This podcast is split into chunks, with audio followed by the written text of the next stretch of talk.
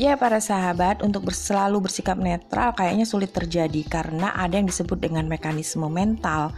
Mekanisme mental ini mengevaluasi, membentuk pandangan, mewarnai perasaan, bahkan cenderung ikut menentukan perilaku kita terhadap manusia atau sesuatu yang sedang kita hadapi, bahkan terhadap diri kita sendiri loh.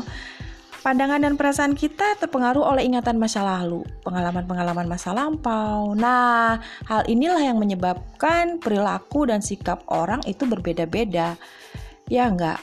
Ada yang disebut dengan individual differences. Setiap manusia itu berbeda.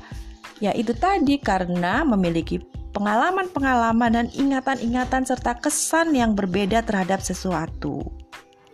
Inilah yang sering disebut dengan fenomena sikap yang timbulnya tidak saja ditentukan oleh objek yang dihadapi saat ini, tapi terkait dengan pengalaman-pengalaman masa lalu, situasi sekarang, dan harapan-harapan kita untuk masa yang akan datang.